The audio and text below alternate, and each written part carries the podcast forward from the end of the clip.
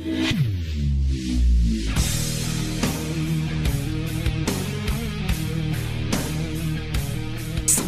istilah itu muncul pertama kali diperkenalkan di Stanford University untuk konteks pelajaran, pendidikan.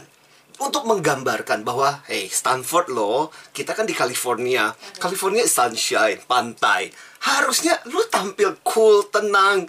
Nggak perlulah stres, nggak perlulah kelihatannya cemas.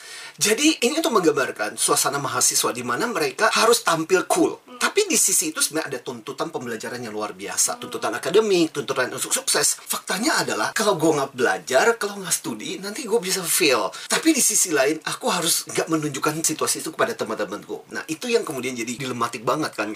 Nah inilah yang sebenarnya dihadapi oleh kebanyakan mahasiswa pada saat itu. Nah muncullah istilah dark syndrome. Lantas, oleh banyak psikolog atau banyak pemerhati kehidupan anak muda, istilah ini diperluas bukan lagi cuma masalah soal pendidikan, bukan cuma soal kuliah, tapi kemudian diperluas ke aspek yang lebih banyak. Aspek kehidupan pribadi, masalah sosial, masalah kehidupan penghasilan, tapi intinya masih tetap sama. Apa yang lu lihat belum tentu itu yang terjadi. Yes. Kelihatannya cool, kelihatannya santai, kelihatannya nggak ada masalah tapi di balik itu sebenarnya wah itu berkecamuk dengan luar biasa. Nah makanya kemudian muncul istilah dark syndrome itu. Kalau kita perhatikan terutama angsa sebenarnya. Kalau berenang di kolam itu kan kelihatannya keren banget. Kelihatannya dia tenang bergerak dengan begitu damainya di kolam.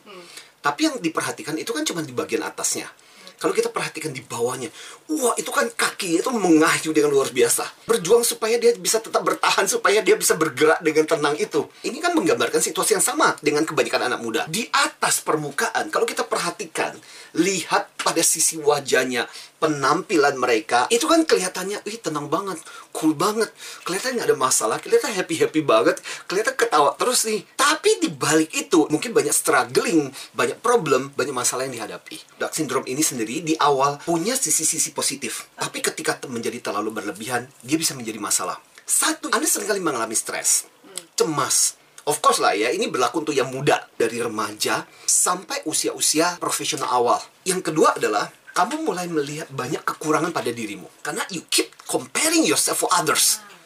Kok kayaknya dia lebih bagus? Kok kayaknya dia lebih ceria? Kok kayaknya dia lebih mantap nih? And you keep comparing.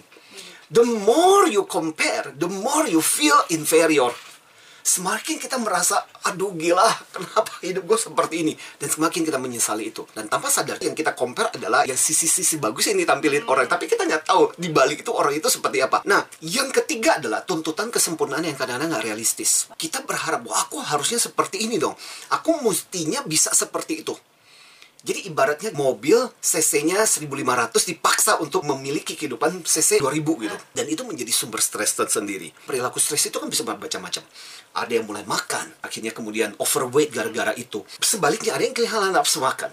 Ada yang susah tidur, ada yang cabut-cabut rambut, ada yang kemudian mulai dengan gejala penyakit seperti mah dan sebagainya. Dan itu adalah bagian-bagian yang berhubungan dengan stres tersebut. Tapi ketika dicek seluruh tubuhnya, dibawa ke lab, nggak ada masalah, nggak ada problem. Because it's more psychological problem. It's a mental problem. Meskipun memang di dalam psikologi, kita tidak memasukkan itu sebagai gangguan gejala kelainan jiwa. Ini dianggap sebagai sesuatu yang mau, cuma sebuah sindrom. Jadi bukan gangguan abnormal, perilaku abnormal. Tetapi yang kita mesti waspadai adalah ujung-ujungnya bisa dampak ke produktivitas, dampak bahkan kesehatan mental. Orang bisa mengalami mental breakdown gara-gara seperti ini. Orang bahkan bisa sampai bunuh diri. Nah itu loh yang saya khawatirkan. Akhirnya kemudian kita sering kali bilang, loh perasaan dia baik-baik saja penampilannya baik-baik saja kehidupannya harmonis nggak ada masalah nggak ada problem tahu-tahu yang terjadi adalah kejadian seperti itu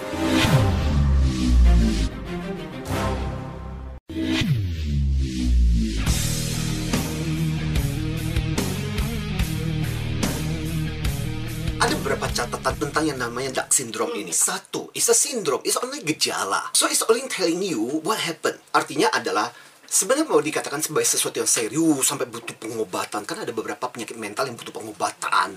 Ini enggak sebenarnya. Ini hanya menggambarkan tentang sebuah kondisi mental. Ini cuma gejala. Gejala maybe you're too much. Expect too much from your life. Jadi ini gampang untuk disembuhkan sebenarnya. Dengan sebuah manajemen diri yang bagus Dak sindrom ini sebenarnya gampang untuk diatasi. Dua, saya tuh termasuk yang berkeyakinan bahwa sindrom ini part of dari perkembangan mental kita, psikologis kita. Malah menurut saya ini sebenarnya ada sebuah tanda-tanda sesuatu yang sehat karena jiwa bertanggung jawab. Karena pingin hasil yang baik. Dengan berjalannya waktu, Dak sindrom ini bisa selesai sendirinya. Saya jadi ingat lagi ceritanya Ugly Duckling itu, itik buruk rupa yang diceritakan oleh H.C. Anderson. Ini cerita yang udah lama banget, 1829. Cerita itu tentang seekor itik seekor angsa sebenarnya. Makanya itik buruk rupa karena dia angsa.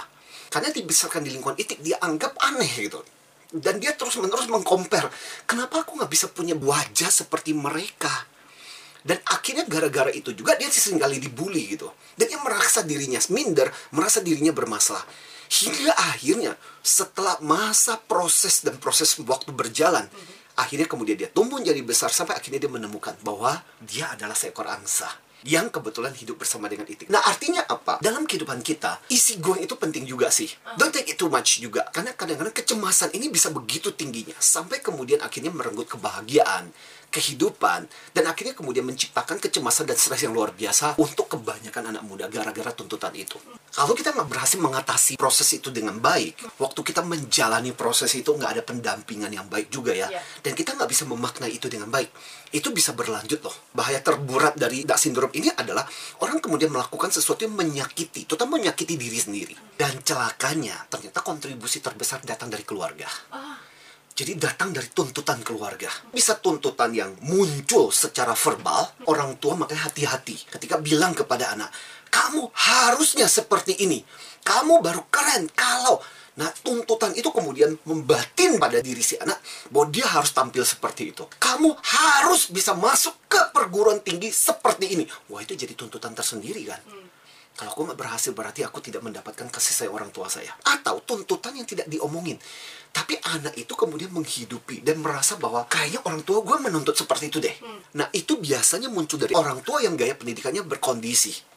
Kamu baru akan menjadi anak ayah kalau kamu bisa mencapai sekian. Anak bunda kalau bisa seperti ini. Dan kemudian apa yang terjadi?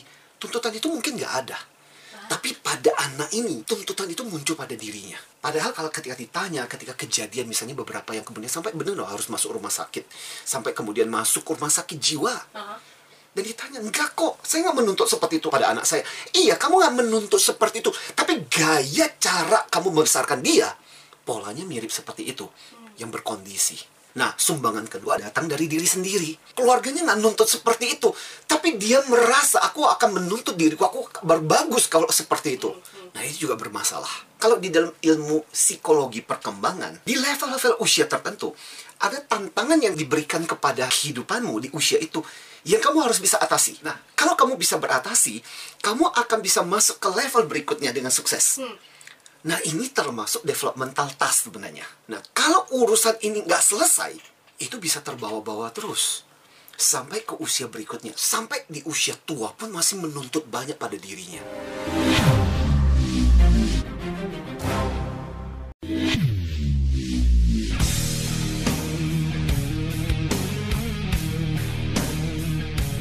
Dark syndrome itu ada bagian porsi di mana kita mikirin kebanyakan, too long dan too deep untuk sesuatu yang sebenarnya pada saatnya tiba you face it dan kamu akan bisa melewati itu dengan sukses. Sebenarnya Dark syndrome dari sisi positifnya itu melambangkan kamu peduli dan care dan pingin lebih baik.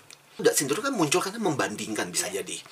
Kenapa dia penampilannya bagus? Kenapa gue kok kayaknya struggling banget?